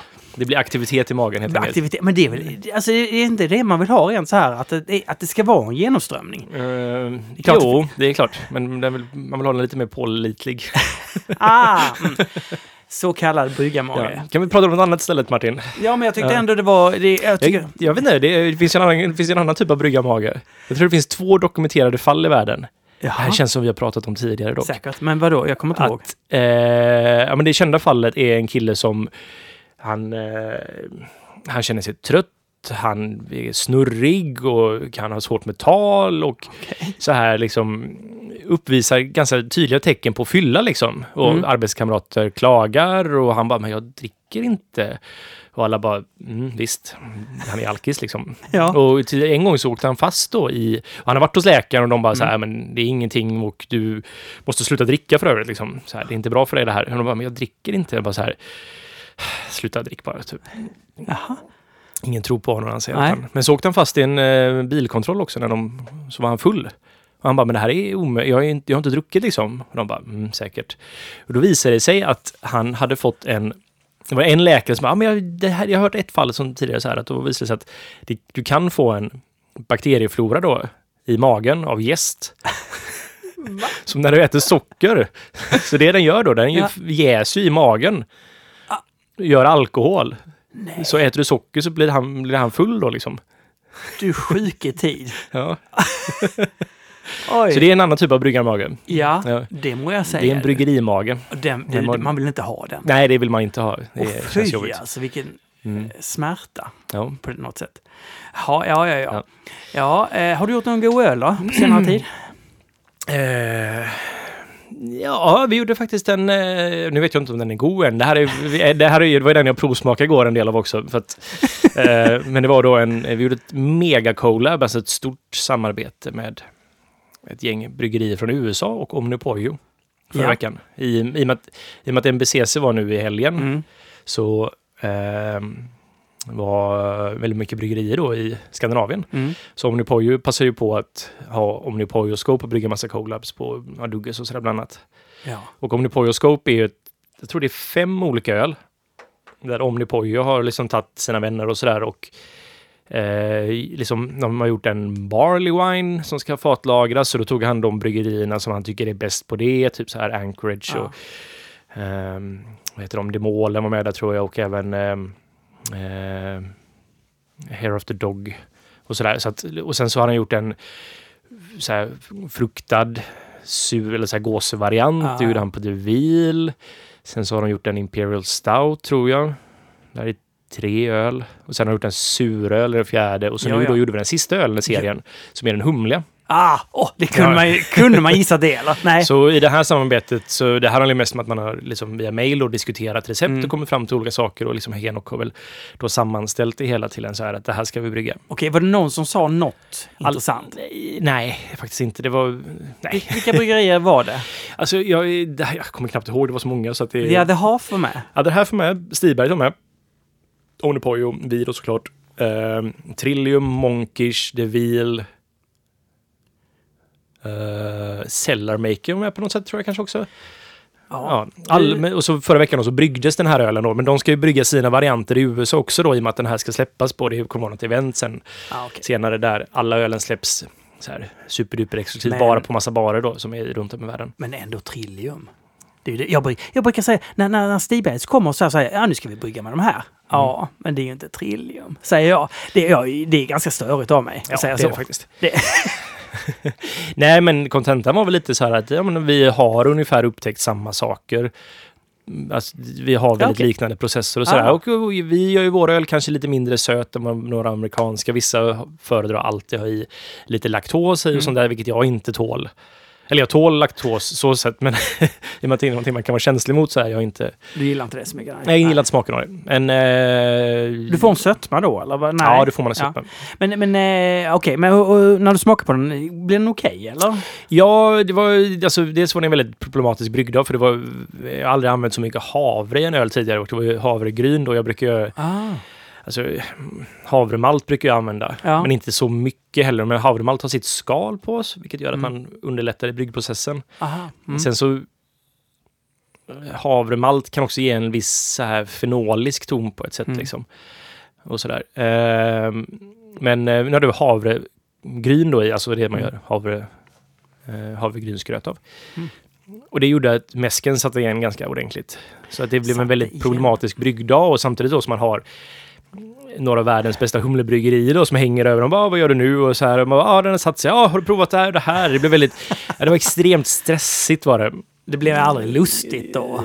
För mig, de andra tyckte att det är lugnt, det här blir bra, det är liksom så här, det här händer hela tiden för oss, det är ingen stress. Man bara känner så här, fan, jag, vad pinsamt det här är liksom. Att Ja, vad, jo, jag, Ja. jag kan verkligen känna adrenalinet Mm. pumpa liksom. Men eh, så att det var, jag var så slut efter den här dagen, det var helt sjukt faktiskt. Men ehm, det, det, blev öl till slut i alla fall. Och Ja. vi siktar på en ganska, det ska vara en trippel-IPA, så den ska vara 10 procent någonstans där kanske till och med. Usch, vad är, Med låter illa. Enorma Ja. mängder humlor i. Men låter gott. Ja, Ja. men eh, och vi hamnade ganska nära det. Vi, även då trots alla problem så hamnade vi ganska nära där vi hade tänkt att skulle hamna. Så att eh, det kommer nog bli ungefär 10 procent faktiskt. Ja, det var, det var lite roligt för The Other Half lyckades ju Stiberget eh, få ihop det med Mm. Ja, det, ja. dagen efter. Ja. Så Matt och... Inte för att vara som, men här för jag ju collabs med allt och Nej, skojar. Ja, men de är ju också högst ratade i hela... Nej, men, Ja, men det är bra bryggeri. Det är ett bra Ja, bryggeri. ja. Sam och Matt. Matt och Sandrew. Sandrew de, de, två killar med amerikanska namn Mm. var där med skägg. Mm. Eh, de var sköna. Ja, de är trevliga. De pratar amerikanska. De verkar väldigt vana med sociala kontakter. Oh ja, det är, de är, många av de amerikanska bryggerierna har ju kommit dit också av en anledning för att de är Ja. väldigt duktiga på det här liksom. Att prata och vara med och sådär. Jag var lite inne på, kan ni ställa er upp och bara köra något litet shownummer? För det vet man ju hur amerikaner... Nej, hur, vet vad vi, vi, köpte in två grillar och så fick Ivan grilla på grejer. Ja, just det. Jag hade Han tänkt att jag skulle komma över, men jag hann faktiskt aldrig. Alltså, den killen kan laga mat. Det Alltså. kan han. Det var... Han har många strängar på Nej, men det blev en, det blev en lu- lunch där ta- tankparken. Och då kom jag och snacka lite med... eh, Grillar ni inne i tankparken? Nej, men vi grillade ute på bryggan där och så fick, fick vi, ja. Och det var hummus, det var så jävla mycket hummus. Jag, jag slevade upp, upp hummusen så att man, man, kunde trycka in den i käften. Var, hur som helst. Så satt jag och snackade lite med eh, Matt, Sam, Sam Sandrew. Så, jag vet inte vad jag vet, kommer du ihåg vad de hette? Nej, du kommer, nej, du kommer inte ihåg. Jag minns inte namn. nej, hur som helst. De, de var där. Sam heter han. Ja. Mm. Och då pratade jag med, med dem och så, eh, så frågade de ändå, ja men vad, vad gör ni för, vad är ni bra på liksom? Ja, men vi är ju bra på New England IPA, Mm. Hazy IPA, det är ju vår grej, det är bara så. Ibland gör vi någon västkust-IPA, men den säljer inte, så det, det skiter vi i. Men eh, nej, vad, vad, vadå? Nej, men det finns bara tre sorters öl som säljer i USA. Det är New England IPA, det är starka stouts och det är fruktiga surisar. De tre, gör man någonting annat Exakt samma som i Sverige för övrigt. Det kanske det är, det kanske det är. Eh, och så sa de att... Alltså eh, bland ölnördar då. Om man ska snacka Jo. lite volym bland ölnördar liksom. ah, Okej, ja vi måste lägga till den lilla Ja. detaljen. Det säljs rätt mycket lager i Sverige också. Så Ja. Det är liksom, ingen Just behöver liksom skriva in till oss och påminna oss om detta. Mm, ja. just det. Och då, men då sa de att eh, Jay Wakefield, Ja. eh, mest sålda produkt är en veteöl. Bara, eh, va? Varför, varför det? Jo, för att han säljer den till idioter. Så, varför, men, men, nej men, eh, inte idioter sa de inte, utan de sa bara, de, de, de säljer det på sto, stormarknader och så vidare. Och han har en sån jäkla volym på det. Men de vet inte vad, vad de dricker, de som Nej. köper det. Det är ju lite att se ner på vanliga öldrickare. Alltså jag, jag, jag tror Jonathan Wakefield hade nog haft en annan uppfattning om det här än vad kanske de hade. Jag vet inte riktigt. Ja, Men jag menar, bara för att du gör någonting som alltså, är populärt bland andra liksom. Jag vet inte, jag, jag tror jag vet vilken veteöl det här är och det är liksom en veteöl med någonting mer i, liksom Mm. lite mer överdrivet till citrus Mm. eh, där liksom. Och alltså säljer det så säljer det och jag, alltså, det är liksom, det är en annan publik när man kommer ja. in på stormarknaden i USA. Det är en väldigt annan eh, Men... säljsätt liksom så här. Och många bryggerier ser ju ner på det för att det liksom inte är så äkta på det sättet. Mm, det. Men det är, det är ungefär som att man skulle klaga på att nu har vi inga andra säljkanaler än Systembolaget i Sverige. Mm. Men det är som att så här, oh, alltså, de där gör en produkt som säljer jättebra på Systembolaget som är någon form av, ja, för mer allmänheten. Mm. Och det är väl inget fel med det liksom. Nej. Nej det är ju bra att ha de här liksom, alltså på sätt och vis så är ju då Sierra Nevada Pale Ale en sån öl också. Mm. Och den kan inte jag se ner på på något sätt. Men jag vet många bryggerier som gör det. De, många pratar ju skit om Sierra Nevada och då kan jag tycka att man glömmer av lite sin ja, historik. Men hela den här grejen med att se ner på någonting annat. Alltså på något sätt, alla gör väl utifrån sin förutsättning och vad man tror på. Mm. Alltså när man, när man ser ner på någonting annat det enda det handlar om är att man försvarar sin egen, vad man oh, ja. själv... Ja. Så är det mycket. Och det... jag har ju snackat väldigt mycket skit om diverse olika ja. kettle sours och sådana saker. Men, och det, det, har ju sin orsak. Liksom. Oh, det för, ja. Men, men det, det, är ju ändå intressant att se att den, den gemensamma nämnaren med den här, de här, den här riktigt humliga ölen, den här riktigt eh, starka stouten och fruktiga sours, är ju att de, har, de är så väldigt smakstarka mm. i en riktning. Tycker jag. Eller en, och som vi ska generalisera lite grann. Jo, men verkligen. Eh, och, och det, ja. Alltså det, det, jag, jag, jag gillar ju produkter som är tydliga, som har ett så här ett, jag gillar ju när jag kan se en produkt och känna en produkt, mm. eller framförallt när jag gör en produkt, att jag har ett tydligt syfte. Jag vet varför den här ölen är gjord på det här sättet med de här ingredienserna. Då känns det som att då går jag själv igång på den och när jag kan känna att ett bryggeri har det liksom med en produkt mm. så går jag igång på det också. Mm. Att så här att de nailar den här biten. Sen så just nu idag så finns det ju liksom, ja men många av de här bryggerierna spottar ju ur sig dubbel-IPA, IPA i en takt som gör att det alltid finns en ny produkt liksom. Mm. Och den biten kan jag tycka är lite, eller jag hade inte, jag uns, jag, alltså OO gör det lite med 50-50 ölen och sådär, men vi försöker ha en balans mellan det. Vi försöker ha vår, vad vi skulle kunna kalla då vår core range med liksom mm. Evergreen, Narangi, Pretty Pale Ale, Muscles. Det är de humliga där liksom. Mm. Eh, och så släpper vi öl, ja, som är liksom temporära öl. Att vi försöker ha en balans däremellan. Men många bryggerier idag kör ju bara en ny produkt, ny produkt, ny produkt hela tiden. Mm. Vissa då återkommer eller så här. Men, och då kan jag sakna den här. Men varför, vad är skillnaden på den här och den här? Och vad är, liksom, vad är syftet med den här? Varför har ni gjort den precis på det här sättet? Och att iterera på en öl är väldigt bra, liksom, för då hittar man den här vi har gjort Narangi så mycket nu och den förändras lite så här. Den har varit ganska fast för ganska länge nu, men att man hela tiden, jag har Narangi som att jag vet varför jag gör den, hur den ska smaka och då känns det väldigt bra för mig. Itererar du med att du ändrar lite grann? Ja, men ändrar lite grann. Att ja. man liksom hela tiden förtydligar mm. det syftet som jag har med den ölen. Ja. Att så här, ja, men, ibland kan det vara humlen som ändras lite grann mm. eller att jag mm. behöver liksom korrigera lite med malten och liksom få till ja, men torrheten eller bäskan eller så här lite grann. Att man, och det förändras ju lite med vad jag själv tycker gott och sådär. Men att eh, ja, den handlar ju väldigt mycket om att faktiskt lyfta fram mosaik som humle, tycker jag. Det är liksom, jag, jag, liksom, jag vill ju att mosaik. det här ska vara liksom definitionen på en mosaikdominerad öl på något sätt liksom. Men förstår du vad jag menar? Ja, liksom, det finns en, idag finns det ja, många, absolut. det är mycket öl som bara slängs ut som jag inte riktigt men det är kanske för att du inte förstår syftet. Men de, kanske, de som slänger ut det kanske har ett jättestarkt syfte. Så kan det mycket väl vara. Mm. Men jag, det, det, finns en allmän trend om att det finns mycket ogenomtänkt öl som mest bara... Den har liksom en form av... Det är väldigt brett syfte i sådana fall. Om du förstår vad jag menar. Väldigt ja, mm. det ska bara vara humle och... Mm. Så att jag gillar när man har den här liksom lite mm. smalare visionen mm. i det hela. Sen så kan man ha olika produkter i olika som har olika... I det breda syftet har olika sina nischer och sådär. Ha, eh, ja. eh, nu eh, hörde jag att vi, eh, Stigbergs landar ju i Burlington, gästen. Mm. Det tycker jag blev jättebra. Men nu, nu prövar de lite kölschgäst. Men vad fan, varför ska ni hålla på och ändra? Och så säger Simon till mig, ja men det, det kan vara spännande att testa lite nytt och se vad som händer. Det är en bra nyfikenhet. Det är jättebra nyfikenhet. Men vad säger du om kölschgäst? Uh, Alltså jag skulle kunna ranta om Kulch ganska länge faktiskt. Oh! Men gästen är väl något annat? Ja, gästen är något annat. Så Kulch är ju ale-gäst som man gör, alltså en kulch då. Till ja. exempel gaffelkulch då som var med på MBCC nu. Gaffelkulch? ja, det är, den är liksom en original från Köln. alltså kolon... Jag vet inte, vad säger man? Kuln säger man på svenska va? Ja, det gör Ja.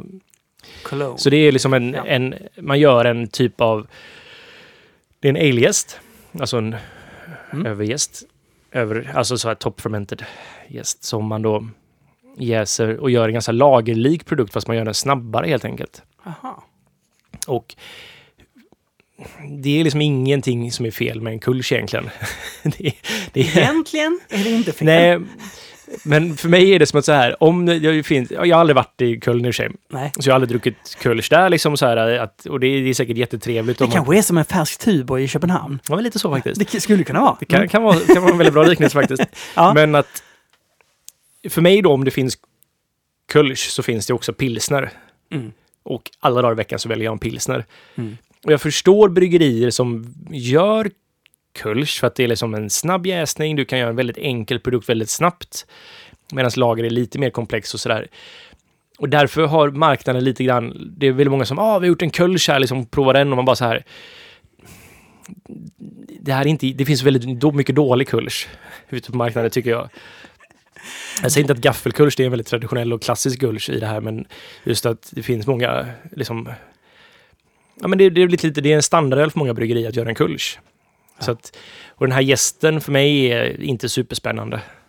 Men det är min egna personliga åsikt. Och Ja, det jag var- provade den, det var ett samarbete, men var det med Wylam eller var det med, Nej, det var med Verdant. var det med Verdant? Ja, va? en session IPA, ja. Precis, med Mm. då. Den var Ja. god. Jag provade den från tank på Stiberget. Ja. Eh, så att, alltså det är alltid bra att prova nya gäster. Mm. Det, är, det är inget fel. Du är inte emot det av princip, nej? Oh nej, det har jag gjort själv väldigt mycket. Till exempel förra veckan, så, eller nu för två veckor sedan, så började vi också testa en ny gäst. Va? Men... Va? Ja. Berätta, men hur... hur du, du, du känner att du vill ha förnyelse? Är det så? ja, vi har ständig förnyelse. Ja, okej. Mm. Ja. Men, men på lite- gästfronten? Ja, där Ja. också. Alltså jag, den gästen jag använt är en torrgäst, S04. Mm. När vi startade OO som att vi hade en eget så körde jag en annan gäst Mhm. som eh, heter 007. Den har jag testat på Stiberget några gånger Mm. också faktiskt. Eh, som White Labs 007 då, alltså Dry English Yeast. Den är ganska Mm. lik S04 på ett sätt. Den är, men, eh, den är väldigt... Jag gillar den gästen väldigt mycket. Den är... Alltså om du, du kan liksom med pitchning och temperatur så kan du liksom få en ren och clean ale. Du kan också få en lite mer brittisk karaktär på den. Mm. Genom att ändra olika variabler ganska enkelt. Men nu kör vi en annan gäst faktiskt som... Jag vet inte, vi ska utvärdera den lite grann här nu och se om vi... För S04 var... Jag började återanvända S04 igen Mm. av den anledningen att jag var ensam bryggare. Mm. Eh, att skörda då White Labs 007. Jag, upp, jag hade problem med det. Jag Okej. tajmade rätt och Ja. spara gästen och få den att... Så det funkar inte riktigt produktionsmässigt för mig. Jag behövde, jag behövde vara flexiblare. I och med att jag var en person i det, produktionen. och det var den Och den är så här, det är inte min favoritgäst på något sätt. Den är min favoritgäst av de torrgäster som finns tillgängliga för engelsk öl. Ja. Eh, och så det var ju någon form av att jag, var, alltså jag fick kompromissa mellan en massa olika faktorer. Och Men då, bygger inte Narangi på 04? alltså, Narangi bygger ju egentligen på en engelsk gäst med alltså mycket musik i. Det är min idé om Ah, Narangi. okej. okej, ja. Med både Mm. vete och havre i Okej, också. ja, att det, ja. Den är den tydligaste vi gör som då skulle vara Hazy New England IPA Mm, egentligen. mm. De andra är ju inte det på samma sätt Nej. riktigt. Utan Men, ja. Men- den är den så här, det, där vår... Det är den... men vilken är den nya? Eller är det hemligt? Ja, ja, vi kan väl prata om det lite senare Oh. när vi utvärderat lite mer. Men, bra, bra cliff, Ja, cliffhanger. så att, Mm. men vi har ju testat så att eh, vi gjorde faktiskt en evergreen med det. Och så har Mm. vi gjort 50-50 med den gästen nu. Mm. Och eh, hittills så... Alltså vi är ju två personer som jobbar i bryggeriet och Erika har mycket, mycket mer erfarenheter av att hantera gäst än vad jag har. Mm. Så att nu kände jag att det var dags att kunna... Men jag ska faktiskt prova 007 igen också. Ah, för För att kan skörda för Ja, alltså det är inte superstor skillnad för det är fortfarande engelsk gäst vi pratar om Ja. så att de har väldigt många liknande egenskaper. Men det är, det är stor skillnad på dem är det faktiskt. Eh, men jag får säga att den här gästen funkade bra. Tyckte jag. Det var lite problem med eh, eh, att skörda och sådär men det tror jag vi kan komma runt och sådär. Med lite erfarenhet. Mm. Så vi får se. Okej. Ja. Ja, ja, men det, ja. Det, vet du vad jag sa till eh, The Other Half? Eh, nej, Nej, hur ska du veta det? Ja, men det tycker jag, för att vi kom in på Tyskland och att Stone hade, hade sålt och så vidare. Och Ja. så bara, "Åh, Tyskland är en svår marknad och det är så låga priser, det går inte att komma in där. Och då bara så, och tittade jag på dem och sa bara, nej. Men tänk er att komma med en ny maträtt till Italien. Och du ska tro att de skrattade. De, de förstod ju precis. Vi ska aldrig in i Tyskland någonsin. Det är helt omöjligt. Vi kan inte komma med någon annan. Ja. Alltså jag tror ju på en Tyskland som en framtida marknad ändå. Jaha, du säger emot mig direkt alltså? Ja. Mm. Eller, men, eller, jag har diskuterat det här en hel del med Olof faktiskt. ja. Om vi ens ska bry oss om Tyskland eller om vi bara ska skita i det. Jag tror, men det är ju, det är ju stor skillnad på Tyskland och Tyskland. Berlin är ju ett... Det är inte Tyskland på det sättet. Som Nej, man, Berlin är... Nej. Nej, Berlin är Berlin liksom. Det är, men jag, alltså i den norra delen av Tyskland tror jag det finns en, en ganska stor marknad för craft Mm. och det finns ju en hel del bryggerier i Tyskland som ändå gör, Ja, okej. alltså, Men de ligger i Berlin. ja de ligger väl i Ja. Berlin och Hamburg, tror jag det är. Inte i Köln. jag, jag, jag, Nej. jag kan inte Tyskland så jävla bra. Vi skulle faktiskt gjort en liten turné i Tyskland har vi tänkt. Om Mm. det pågår öppna en bar i Hamburg förut. Nu här snart. Tror det. Ja. det Men, eh, och då skulle vi gjort Berlin, Köln och Hamburg tror jag var. Mm. Men eh, jag tror ändå, det finns ju Furus Wirchak som Stiberg gjorde en cola med nere i Mm. Berlin förra Just sommaren. det, just det. Och de är jättetrevliga. De gör ju mycket New England IPA som Ja. är väldigt, väldigt bra. Väldigt, väldigt trevliga. Och de har bryggt på någon form av så här bryggkollektiv tidigare. Mm. Men jag tror BRLO, ett annat bryggeri i Berlin, som är en form av bryggpub, har kontraktsbryggt mycket där och de har nog köpt det bryggkollektivet nu. Och jag är inte helt hundra på det här, men jag fattade det som att det var så. Och nu ska då för Virchak... Det är två efternamn som jag inte riktigt är helt säker på hur jag uttalar, men... Eh, som då, de ska starta eget bryggeri, fattar jag som. Mm. Men eh, det händer saker i Tyskland. Ja. Och Stones mentalitet när de gick in där är- var fel liksom. Det var... Alltså, de gick, de gick in med en strategi som De funkat gick- i Nordamerika, Nej, men, det är de- ett helt annat land som har en helt annan stolt ölkultur än Ja, vad det är- eh, USA har. Det är som om när Coca-Cola försöker köra sina julkampanjer. Om de hade lagt till “Vi hatar julmust, den ska ni sluta dricka”. Då hade det ju varit så Stone i Tyskland. Precis. Ja. Tänkte om Coca-Cola hade så här gjort en PR-film där de krossar julmust med en stor jättesten. Hur hade det? Det hade blivit en storm. Så jag förstår att det inte var så bra. Coca-Cola hade inte sålt en burk i Sverige igen liksom. Du, du nämnde någonting om en avmattning. Och då undrar jag, var det i humöret eller var det, handlade det om öl? Nej, men det är ju, man, man ser det ganska, eller jag upplever det så i alla fall. Det kanske inte är så, det kanske är helt i mitt egna huvud, men jag Mm. uppfattar en viss avmattning i Mm. öl just nu. Det är liksom... I England då så har öppnas det inte så mycket mer bryggerier. Det har ju varit en extremt stor explosion av bryggerier i England. Ja, ja, det har mattats av. Nya bryggerier. Ja. ja. Eh, och det är liksom de, det känns lite som de länder, alltså Ryssland kommer starkt nu till exempel. ja. Men eh, det finns fortfarande en form av, i de länderna som vi då som har haft den här revolutionen av hantverksöl de senaste 10-15 åren.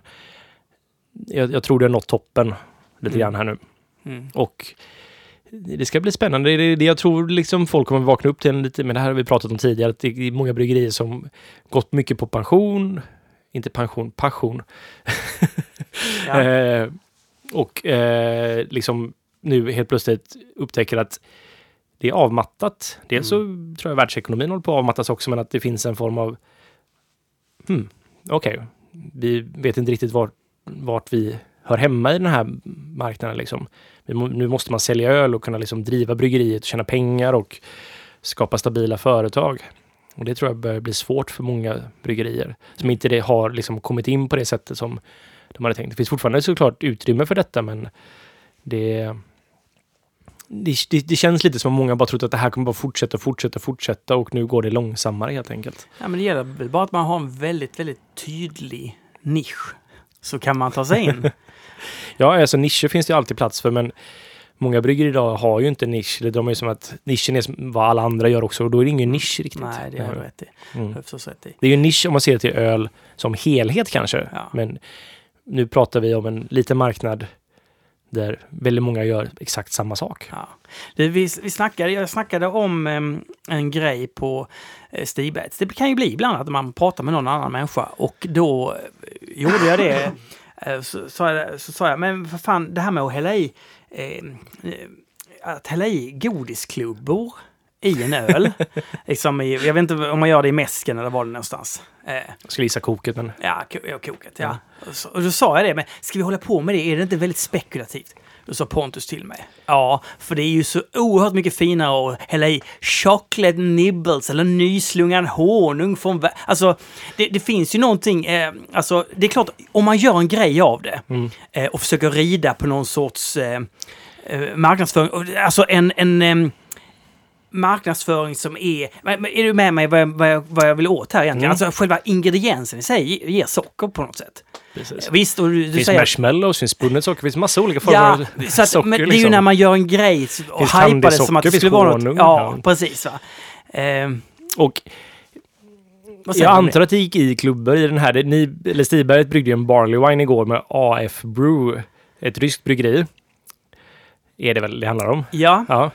Och eh, i det här sammanhanget så antar jag att var det fem bryggare som var där. Så fem klubbor gick ner i ölen. Och jag misstänker att den här klubban är jag såg på färgen av det, det ser ut som liksom stelnat candysocker ungefär. ja liksom. jag. Så jag misstänker att ni gör en Barley med candysocker i, men ni marknadsför det som att det är en öl som är gjord med klubbor i. Ja. Mm. Om, vi- om vi kommer att marknadsföra det, det får vi se. Jag Ni la upp en Instagram-bild Ja, när alla vi- står där med klubba och att det är... Det är härligt att gå in på den här gränsen, för man kan fundera på, ja men det, ja. Men Det- jag, jag kan ju tycka att det är lite jippo-grej att bara liksom säga att man har i klubbor när jag vet att det kanske egentligen handlar om att man har i en form av socker i bara liksom. Mm. Och att... Men, ska Alltså- man inte, men om man har chocolate nibbles i, eller vad det heter, Ja, eh, nipplets, nej inte, eh, alltså ja bönorna liksom. Ja, det behöver man inte. Då kan man bara säga att man har i choklad eller att det är 80 choklad. Det spelar ingen roll. Man, Alltså, man kan... Är det gott så är det gott, så kan man ha i det liksom. Det är inte det. Eh, min, min, liksom, min lite grann... Det som jag stör mig på det hela är ju hur man marknadsför det hela framför allt. Det är ju liksom det här med godisöl och sådana saker. Att jag kan tycka att eh, det är lite oärligt på ett sätt och lite missriktat att... Alltså att... Det säljer på grund av den här anledningen. Man kan ha i det, men man kan beskriva smakerna på ett annat... Det är liksom så här, det finns en... På ett sätt kan man säga att det är klassisk marknadsföring som alla andra företag på hela jorden har sysslat med. Men, men Precis. ja, och det kan man ju, det är ju jag också. Alltså det, det är man ju emot egentligen. Jag är, jag är ju emot reklam överhuvudtaget. Så att jag menar, jag, jag vill, det finns en stad i Brasilien där de har helt reklamfritt. Hela, hela samhället. Har du det? Ja, ja. Det Okej. finns inte... Jag, tror, jag gissar att det var en stad i Brasilien. Nej, Och så, det blev väldigt tydligt när vi gjorde den här collaben också så här att det finns, alltså marknadsföring är ju väldigt, väldigt viktigt och collabs handlar väldigt mycket om marknadsföring, att man kan göra lite så här spexiga öl och sådana saker, man kan kommunicera det på ett roligt sätt, man har flera varumärken, flera kanaler och sådär Mm. liksom. Och men det, så här, och det är klart man måste ju marknadsföra sig som bryggeri, annars kommer du inte sälja någonting. Mm. Vi är ju ganska dåliga på det i OBO liksom, men det är ju inte för att jag och Olof är helt emot det. Det handlar mer om att vi är ganska kassa på det. Eh, och alltså att jag kan ju dock tycka att så här, jag är ju i den här branschen för att jag gillar slutprodukten väldigt, väldigt mycket och jag gillar hantverket kring öl och jag gillar den här romantiserade grejen kring öl. Mm. Och helt plötsligt så finns det en helt annan inspirationsgrej som jag inte riktigt förstår eller köper Nej, och tycker att den är Mm. lite malplacerad i det hela. Så, här. så att Nej, det handlar ju en hel del om den biten och jag kan ju, man får ju inte glömma av slutprodukten i det hela och man får inte glömma av själva hantverket och vad vi egentligen jobbar med liksom. Vilket jag kan tycka att vissa bryggerier inte bryr sig om det minsta liksom, utan det handlar egentligen mer om marknadsföringen och att sälja produkten än vad den faktiskt Mm. smakar. Att det inte handlar... Det är ju en annan typ av bu- business, det, det är det ju helt klart. Ja, det det tycker där- jag gäller alla företag. Så är det så här och det är ju, det är, så här, det är ju dit öl har kommit liksom. Och Mm. Mm. man kan gilla och inte gilla det liksom.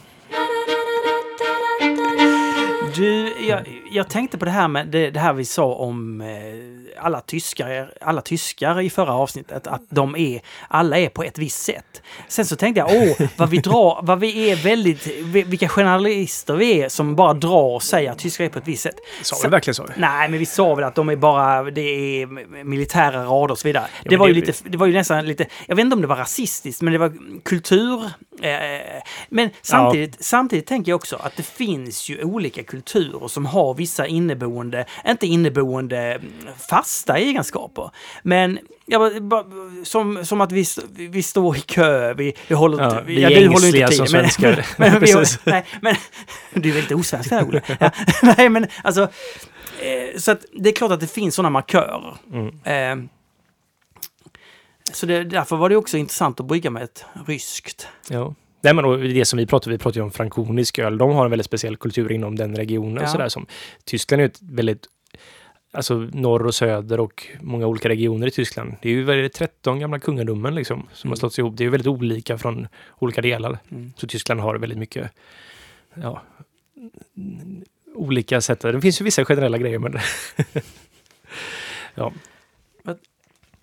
Men ehm, ja, den, det, Ryssland är intressant faktiskt. Det, det kommer nog bli en jättestor marknad snart tror jag faktiskt. Ja, det, det blir ju helt sjukt långa avsnitt. Ja. Vi kan inte ha det så här. Vi Nej. måste dela upp det på något sätt. Så det finns så mycket att prata om i den här branschen liksom. Och Nej, det, det, det är Fredrik som kan komma med så många ord. Det är Mm. det som är hela, ja, eh, hela den här grejen. Eh, Ja. jag, kan, jag kan nämna att vill man höra hela min stand-up, för det är ju ja, det. det kan vi prata om lite grann faktiskt. Hur gick det med stand-up för Martin? Eh, det gick jättebra. Ja. Eh, Jag har inte sett det, jag skulle vilja se videon. Ja, för det, ska- jag skulle vilja se ditt kroppsspråk mm. och sådär liksom. ja, Men jag har lyssnat på det, jag lyssnade Mm. på Hybrispodden. Där.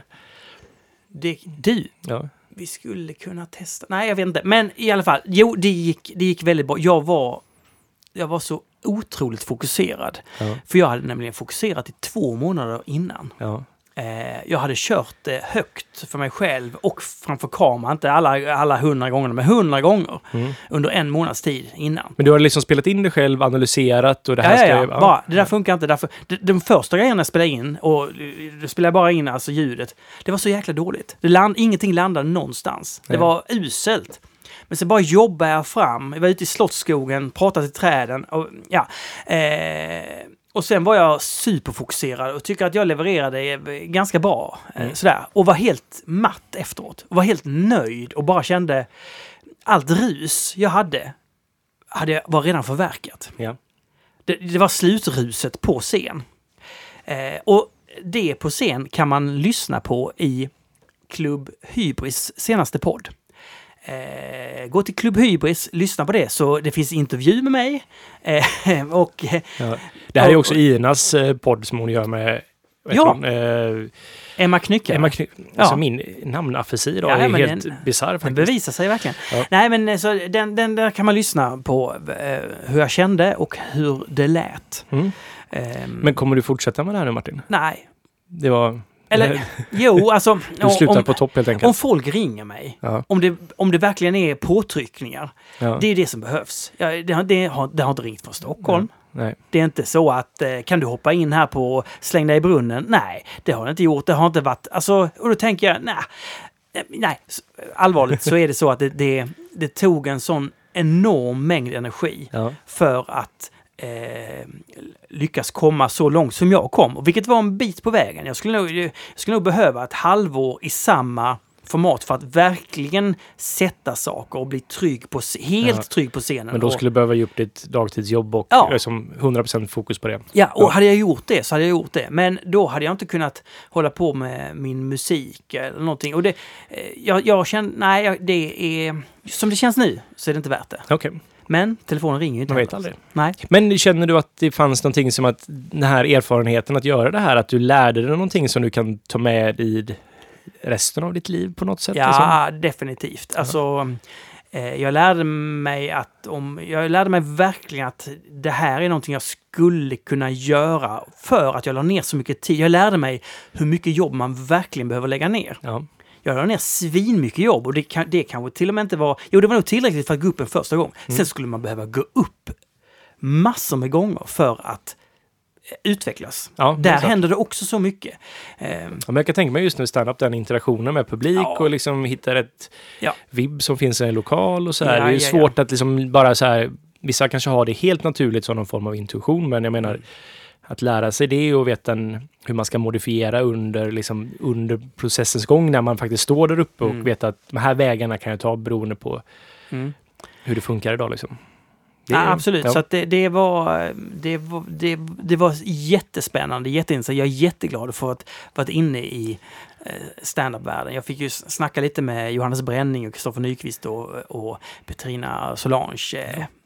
Eh, För de körde också samma kväll och det, det var ju... Ja, men då har man ändå kommit ganska långt när man liksom får vara i samma sammanhang som dem. Ja, liksom. det är men det är så här- också intressant. De var ju inne i sina världar och, och Ina, Ina körde ju också. Eh, och alla är inne i sina världar och ska leverera. De är ju proffs. Mm. De lever ju på det här så, och då, i stort sett. Men, men ehm, så det, det, ja, det var väldigt, spännande att, att, att se. Ja. Men ehm, eh, nu gör vi så att nu ses vi nästa gång. Ja, Tack så mycket Ina för att du klipper det här. tack så mycket. Gå med i Svenska Ölfrämjandet. Och så prenumererar man på Care of Hops och läser Precis. sig till lycka. Mm.